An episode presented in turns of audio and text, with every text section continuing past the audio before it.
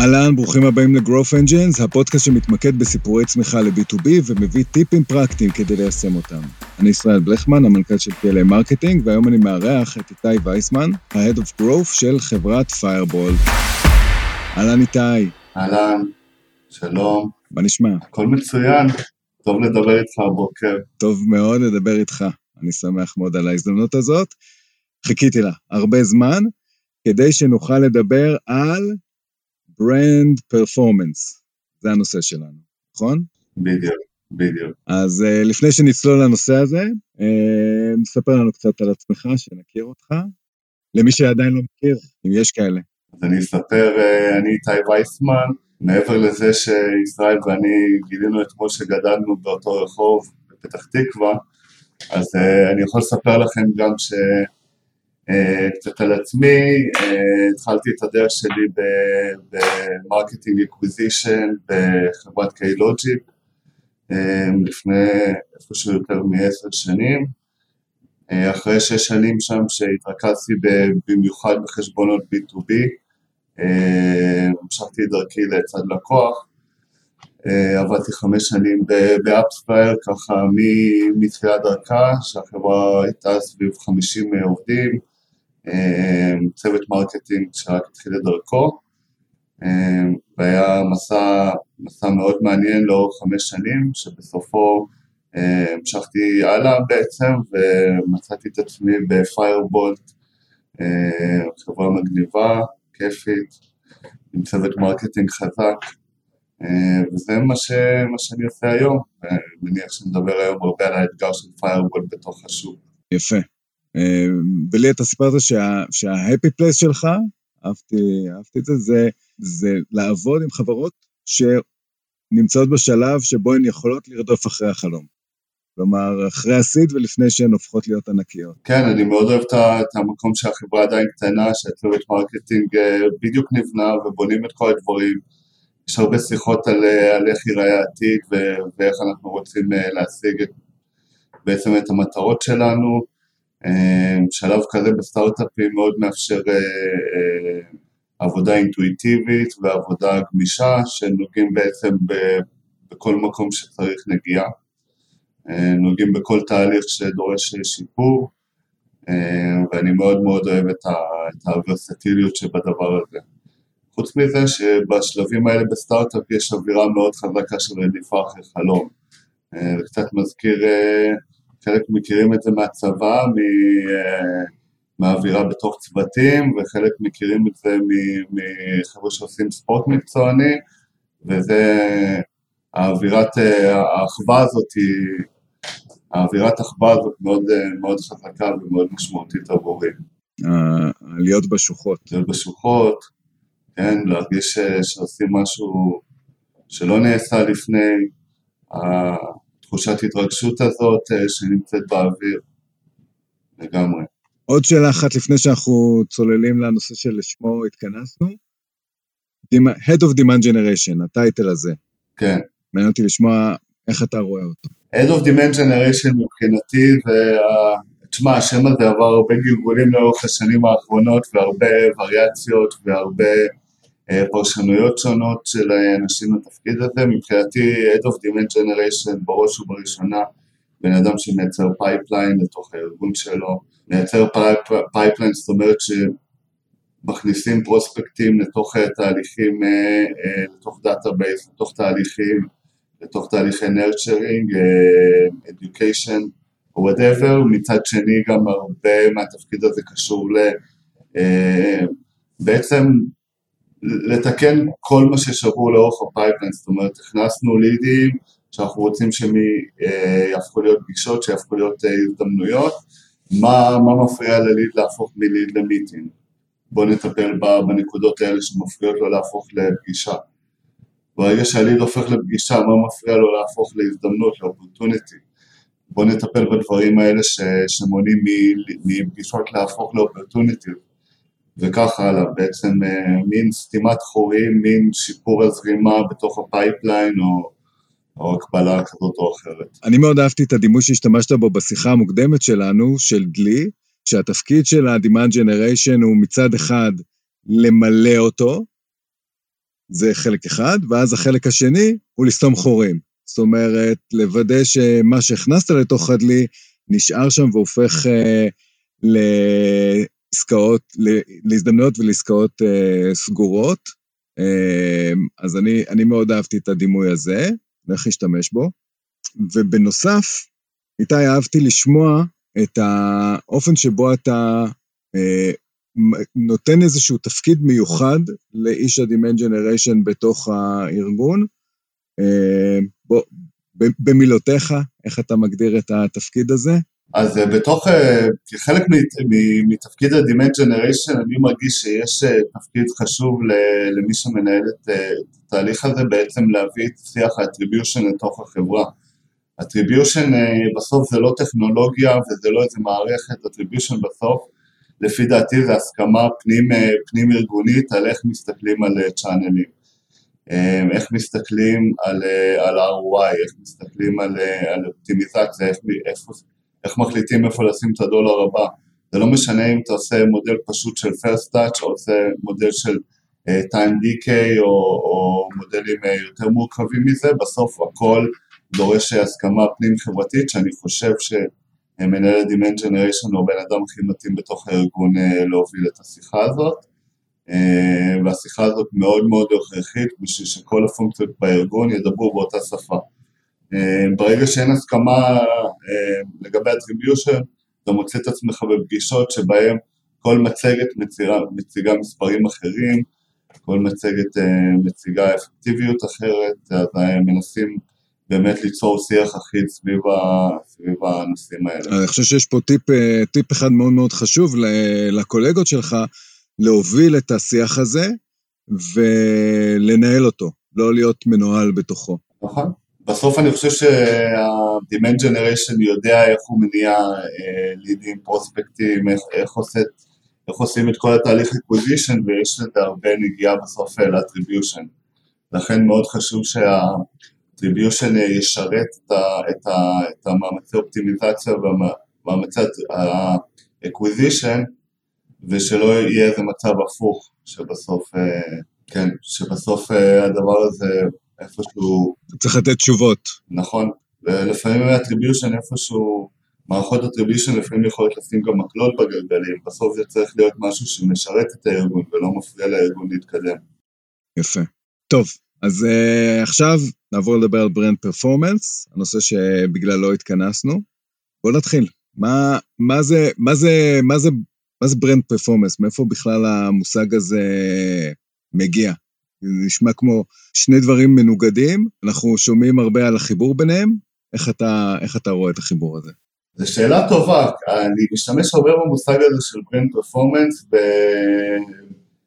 אה, אולי, אולי אפילו יותר מדי בקלות, אני חושב שבסופו של דבר אף אחד מהדברים האלה, לא brand ולא performance, לא, לא יכול לעמוד לבד. עכשיו זה, אני, זה הכל תלוי חברה ותלוי uh, תעשייה ותלוי uh, המתחרים שלך ואיך התעשייה נראית וכמה היא רוויה או לא רוויה, ואני חושב שבסופו של דבר uh, עבודה טובה, עבודת פרפורמנס טובה, קורית שיש ברנד חזק, אני חושב שזה מצד אחד, לכל חברה זה יכול מאוד מאוד לעזור ל-ROI שיש brand חזק מאחורה וצריך להחליט כמה משקיעים ב brand ואיך משקיעים ב brand, מצד שני אני חושב ש brand חזק בלי, אה, בלי pipeline חזק ובלי קמפיינים שמזינים את ה pipeline הזה גם, גם לא יצליח, זאת אומרת הדברים האלה מאוד שלובים ביחד ומשרתים אחד את השני. המותג משרת את ה-acquisition וה-acquisition מנצל את המוצר ומשרת אותו. איך עושים את זה תכלס? מה, מה זה אומר, מה זה אומר בשטח? אנחנו, אפרופו שיחתנו על נושא ה-attribution ונושא ה-ROI, אנחנו יודעים שמאוד מאוד קשה להביא את, ה, את התפיסה הזאת לפרקטיקה, הרבה פעמים בגלל שהיא נתפסת, עלולה להיתפס כ-ROI נגטיב, או כגישה בזבזנית.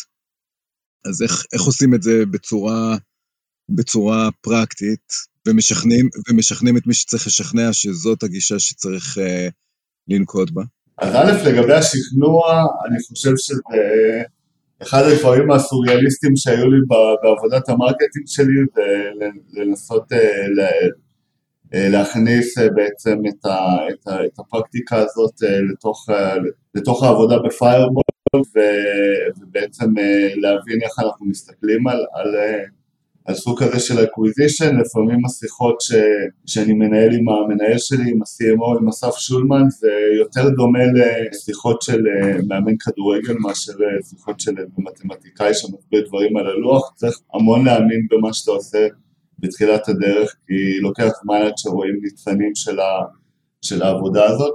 צריך מאוד להאמין בזה, זה כמו, אני אומר מאמן כדורגל כי זה כמו שיורדים במחצית אה, והמאמן אומר לכולם צריך להאמין, צריך להמשיך אה, לעבוד בכיוון, צריך, אה, זה די דומה לזה בהתחלה, אחרי זה צריך להבין איך מסתכלים על הדברים האלה, אנחנו מסתכלים על כל ה marketing source pipeline כמקשה אחת, זאת אומרת כמה, כמה השקענו בפרסום, כמה סך הכל לידים נכנסו דרך האתר, זה לא משנה אם זה הגיע organic, direct, תכף נדבר על, על אה, שיטות משלימות בשביל להבין מאיפה direct ו organic traffic אה, מגיעים, ובעצם להסתכל בסוף כמה, מה העלות הממוצעת שלי לפגישה או ל-SQL, אנחנו מודדים את עצמנו לפי SQL על פני כל הערוצים, זאת אומרת כמה השקענו וכמה הגיעו דרך האתר או דרך LinkedIn lead gen form וכדומה, זאת אומרת איך נראה pipeline שלא הגיע מעבודת אה, ואז מסתכלים בעצם על עלות ממוצעת ל-SQL ומנסים לאפטם את הדבר הזה.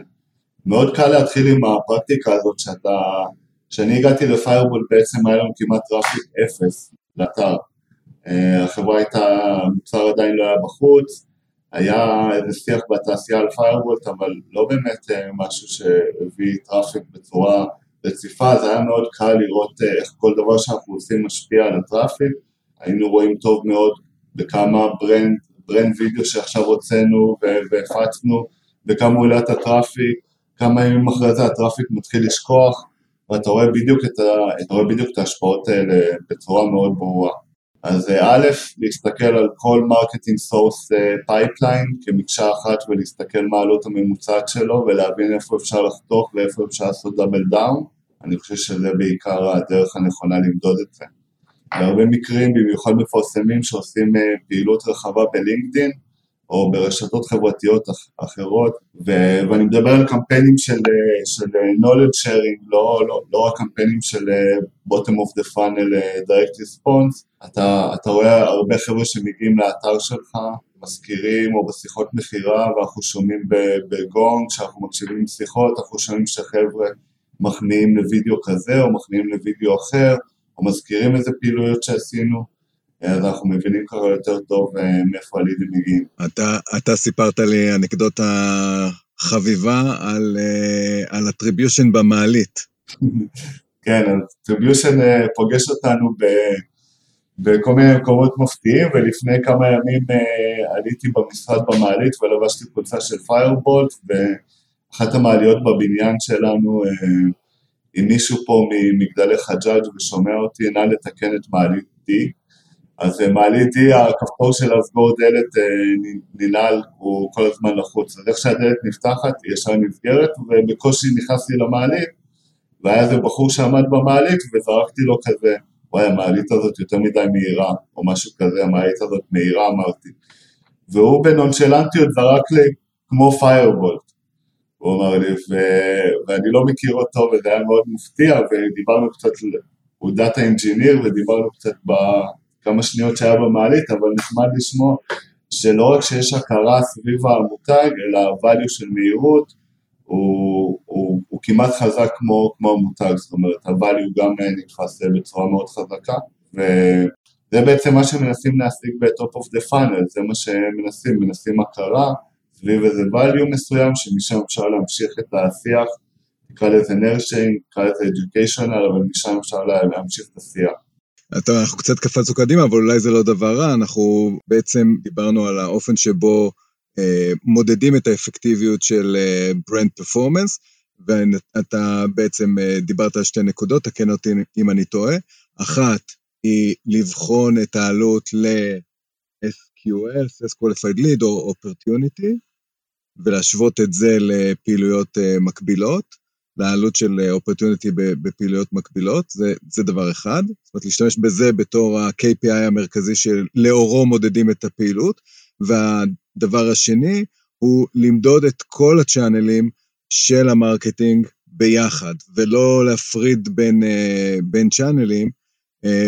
וכאן אני מניח שיש, מה שעומד מאחורי זה, זה הנחה שכל channel תורם לשני. נכון. אז בעצם ב... שאם אנחנו מדברים על, על תהליכי אופטימיזציה, תהליכי אופטימיזציה בדרך כלל זה השוואות בין שתי פריטים, ולהבין איפה משהו עובד יותר טוב ואיפה משהו עובד לא טוב, אה, פחות טוב. במקרה הזה באמת אנחנו משווים בין ערוצים ובין פעילויות בתוך הערוצים. אה, שמסתכלים על מדידה כוללת ROI, אה, כמה הוצאנו, כמה הכנסנו, אז בהחלט אנחנו מסתכלים על כל ה marketing source pipeline. אה, כמקשה אחת אל מול ההוצאות ורואים איפה אנחנו נמצאים אה, וכמה בעצם אה, תרמנו, תרמנו ל של הארגון, שזה בסוף התפקיד שלנו. עוד דרך נחמדה, נחמדה להבין יותר על הפעילויות שלך, נושא שהפך כבר לאיזה חצי Buzzword, Self-Reported Attribution.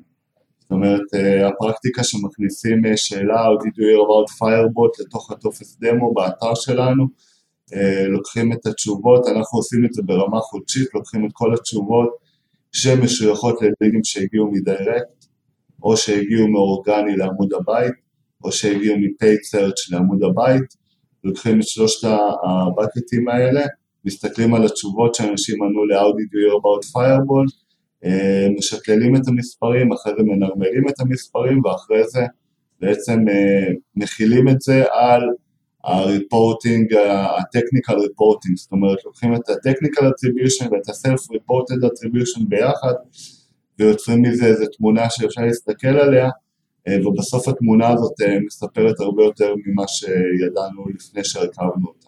זאת אומרת, משלבים מדידת ROI איכותנית, בצד המדידה הכמותנית. כן, תשמע, בפועל זה מאוד פשוט, כן? יש אה, סתם לדוגמה, נכנסו חמישה SQLים מלינקדאין בחודש שעבר, ניתן דוגמה, ובנוסף אליהם יש עוד ארבעה חבר'ה שהגיעו לאתר ואמרו, היי, ראינו אתכם בלינקדאין ובגלל זה הגענו לאתר שלכם, ומוסיפים, ו... ונניח שהם הופכו לארבעה SQLים, אז אה, מחברים את שניהם ביחד, וסך הכל הפעילות של לינקדאין אה, תדווח עליה תשעה SQL. הבנתי, יפה מאוד, יפה מאוד. אני בטוח שזה חשוב מאוד להרבה מאוד מהמאזינים שלנו. כן, אני חושב שיש הרבה שיח על Self-Reporting Attribution, אם הוא, אם הוא כן טוב או לא טוב, ואנשים מעלים כל מיני דוגמאות לתשובות uh, שהם קיבלו בטפסים האלה, שלא עזרו להם uh, להבין איך הדברים קורים. אז א', אני חושב שזה לא מתאים לכל אחד, כי זה בעיקר מתאים לחברות יותר צעירות, שבאמת אין עוד המון פעילויות שקרו, ו- ודי אפשר מרוב התשובות להבין אה, איזושהי אינדיקציות לאיזה דברים הקהל יותר אהב או פחות אהב, ו- ו- ונכון, יש תשובות, הרבה תשובות שלא מספרות שום דבר, אבל יש המון תשובות שמספרות דברים מאוד מעניינים אה, על, על איך היוזרים רואים אותנו ואיפה הם מוצאים אותנו ומה הם חושבים עלינו במקומות האלה, ושיש אה, פידבקים כאלה הם שווים זהב. יפה. עכשיו בנוסף, בנוסף, בנוסף ל-self reporting attribution, שזה לא הזכרתי בשיחת הכנה שעשינו, אבל אה, גם האנשי מכירות שלנו, הסקריפט שהם אה, עובדים עליו, ב, אה, שיש פגישת מכירה, השאלה הראשונה, בסקריפט הזה, איך שמעת על Firebolt. יפה. וגם את התגובות משם, אם, אם, אם, ה, אם, ה, אם הלקוח לא דיווח בעצמו, אז גם שם אנחנו לוקחים את התשובות ואנחנו משקללים אותן. זה גם אה, אנשי מכירות שלנו מאוד אוהבים לשאול את השאלה הזאת, כי א' היא ice breaker מאוד טוב להתחיל את השיחה, איך שמעת על Firebolt. אה, דבר שני, יש משהו בשאלה הזאת שהוא קצת, אה, הוא קצת גורם לך לראות כאילו זה לא משהו שקל למצוא. זאת אומרת, ברגע שאתה שואל אנשים איך שמעת על פיירבול, זה כבר נותן איזה, איזה, איזה ענן של מסתורים סביב פיירבולט, וכאילו זה משהו שזה לא obvious למצוא. קצת נותן אה, ניחוח של early adapters. וזה טוב לסטארט-אפ? אני חושב שזה טוב אה, בעולמות, אה, אני חושב שלפחות בתחום שלנו יש הרבה התלהבות מטכנולוגיות חדשות והרבה מהנדסים שמנסים באמת למצוא את הטכנולוגיה הבאה שתיתן להם איזשהו יתרון על פני מתחרים שלהם, או איזשהו יכולות שלא היו להם בעבר, אז בהחלט יש עניין סביב טכנולוגיות חדשות ודברים חדשים ומלהיבים. מעניין. יפה. אז עכשיו, תכלס, איך, איך עושים את הדבר הזה? אני מציע שנדבר על המתודולוגיה, ככה מלמעלה, ואז תביא לנו case study של uh, הפקה של סרטון. לא ציינו את זה, אבל בעצם הטריגר, לפחות בעיניי, זה, ה, זה הסרטונים שאתה מפיק uh, לצורך הפעילות, שהם, אני פן שלהם, אני תמיד מראה אותם, אוקיי? יש אחד שאני חושב ש, ש, שמוכר ל... מוכר ל... לא, לא יודע אם להגיד, אם כולם זה, זה, זה נכון להגיד, אבל לרבים, וזה סרטון ה-World's Fastest Demo, נכון? כן. אז אנחנו נדבר עליו. אה, אז איך, איך, איך עושים את זה? תכלס. דבר ראשון, אני עדיין, אה, אני עדיין נדהם כל פעם מחדש שאנחנו, אה, כשאני מסתכל על מוצר מוגמר או על איזה וידאו מוגמר שאנחנו עושים פה בתוך הצוות, כי באמת יש, יש קסם שקורה בתהליכים האלה, ולא לא הכל אפשר להסביר, לפעמים, אתה יודע, פשוט הרצון החזק שיש להפיק את הדברים האלה בסוף אה, גורם להם לקרות. אבל איך דברים מתחילים? דברים מתחילים כמו שדברים מתחילים אה, להרבה, להרבה צוותי marketing, יש איזושהי בעיה, יש איזושהי אתגר, יש איזו משימה, בריף, whatever. אה, יש אה, הודעה על גיוס, או, או יש אה, אחד באפריל, או ש... יש איזה וובינר שרוצים לשמור אליו, או רוצים לעשות איזה קמפיין HR, זה תמיד מתחיל מאיזה משימה. אה, ואז אנחנו נפגשים אה, כל חברי ה marketing, אה, או מי שפנוי באותו רגע לקחת שיחת brainstorm באמצע היום מהסוג שלו, מתיישבים בחדר, אנחנו עושים את זה בדרך כלל בימי שלישי. Firebolt זה חברה שהיא fully remote, אז חבר'ה עובדים מהבית, ואנחנו בתוך הצוות marketing יש לנו מין איזה מסורת כזאת שבימי שלישי אנחנו מגיעים למשרדים בתל אביב ונפגשים כולם וזה היום שמתאפשר לנו בעצם לשבת פיזית אחד עם השני ולזרוק רעיונות לאוויר. ואנחנו מאוד נהנים מימי שלישי האלה כי אנחנו במשך שבוע מתגעגעים אחד לשני ואז נפגשים בשלישי ו... ומתחילים לפלוט את כל הרעיונות המשוגעים גם שהיה לנו לאורך השבוע הזה. ואנחנו יש רמה גבוהה של כנות בתוך הצוות marketing, אז אה, אתה מביא רעיון, אתה מהר מאוד תדע אם הרעיון הזה הוא טוב או לא.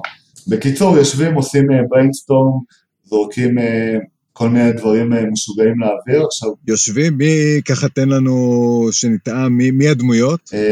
אז יושב איליה, איליה גרבנצ'וק תמיד יהיה שם, שזה המנהל SEO שלנו, אבל בכובע השני שלו, מנהל את כל הקריאייטיב אה, של פיירבולט מבחינת אה, אה, תסריטים, בימויים, הפקות, שחקנים, כל הדברים האלה, הרבה מהרעיונות המשוגעים שלנו טפחו בתוך ראשו, יושבת תמר גל, מנהלת את העמוד לינקדאין שלנו, את הצד של ה-communication, איבנטים, אופריישן ועוד כל מיני דברים.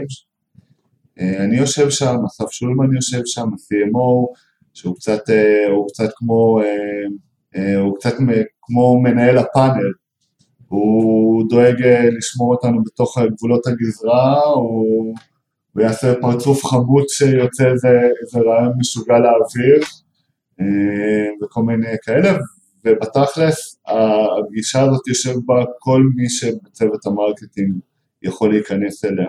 אין פה מישהו חיצוני, אין פה איש קריאייטיב, אין פה צלם, אין פה אנימטור, אין פה אף אחד בתוך הפגישה הזאת, זה באמת אנחנו בתוך המוח הציני וה, והמלא הומור שלנו, אנחנו אוהבים לדבר בינינו על התעשייה, אנחנו אוהבים לדבר על אבסורדים בתעשייה, אנחנו מאוד רגישים לאבסורדים האלה, ואני חושב שגם הקהל שלנו מאוד רגיש לאבסורדים.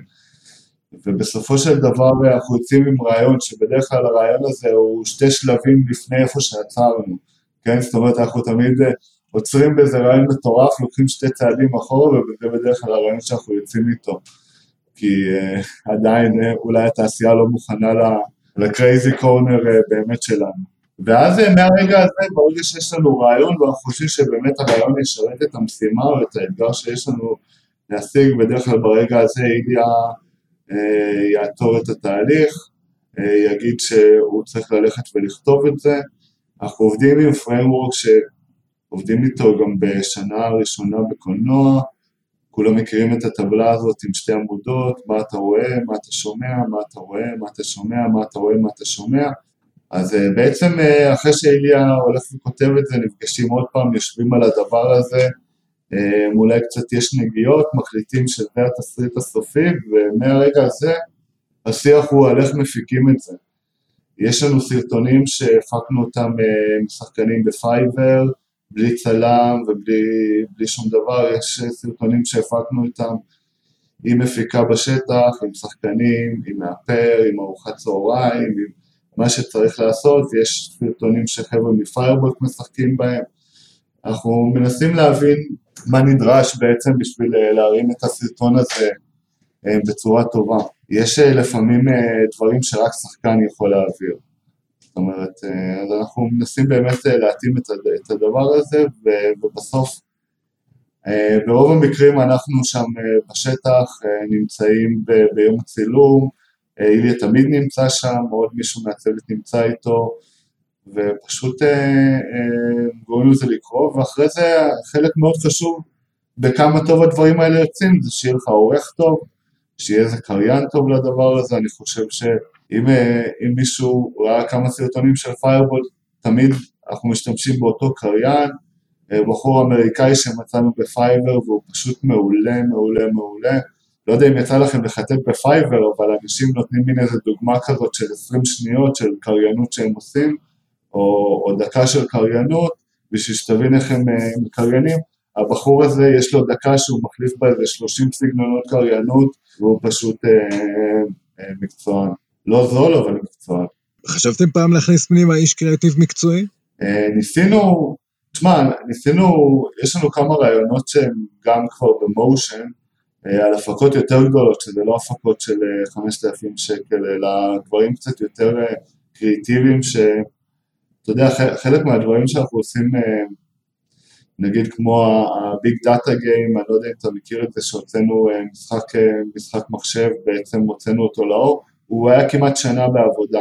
אז יש לפעמים דברים שמצולמים ביום, יש לפעמים דברים שלוקח להם שנה לעבוד עליהם, אה, לא תמיד אה, רואים את זה מאחורה, כמה המאמץ היה מאחורה, אבל לשאלתך, אה, בחלק מהתהליכים האלה, התהליכים מתחילים עם איש קריאיטיב בעצם של החברה שאתה פונה אליה להפקה הזאת, ומנסים לזקק את הרעיון.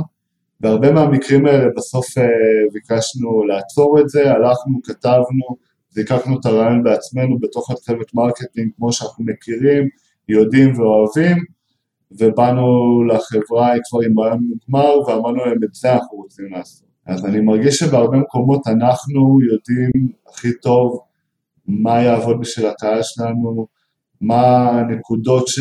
שאפשר ללחוץ לקהל שלנו, מה הנקודות שאי אפשר ללחוץ לקהל שלנו. זה מאוד מאוד רגיש. אחד הטיפים שאני יכול לתת אה, לחבר'ה שרוצים לעשות אה, הפקות בפעם הראשונה, שתמיד תדעו מי זה, את מי אתם שמים במרכז. זאת אומרת, אצלנו, בכל הסרטונים שלנו, למרות שאנחנו צוחקים על אבסורדים ולמרות שאנחנו אה, משתמשים בהרבה הומור, תמיד במרכז נמצא האיש data, או ה data engineer, או ה software developer שמתעסק בזה, אנחנו אף פעם לא נצחק עליו, אנחנו אף פעם לא נצחק על הקהל שלנו, אנחנו תמיד נצחק על דברים שקורים לו, הסיטואציות שהוא נכנס בהן, אנחנו אף פעם לא נצחק על הקהל שלנו, אנחנו תמיד מעצימים את הקהל, ועוזרים להם לצחוק על דברים אחרים. הרבה פעמים צורם לי לראות אה, שחברות עושות כל מיני הפקות שבסוף המושא ללעג הוא בעצם הפרסונה שלהם. אני חושב שזאת נקודה מאוד מאוד חשובה, אני חושב שזה מגיע, קורה כש, כשאנשי פרסום או שיווק מסתכלים על עולם התוכן. ואז זה יוצא כזה קצת אה, מאולץ, קצת מגוחך, קצת, אה, קצת טורח כזה על אה, נקודות כואבות, מבלי משים. ומה שרציתי לשאול אותך זה, האם אה, בתוך התהליך הזה אתם גם מכניסים את אה, אנשי הדאטה של החברה, כדי לתת לכם את ה-voice of the customer ולהשתמש בו? כן, לגמרי, אנחנו עושה...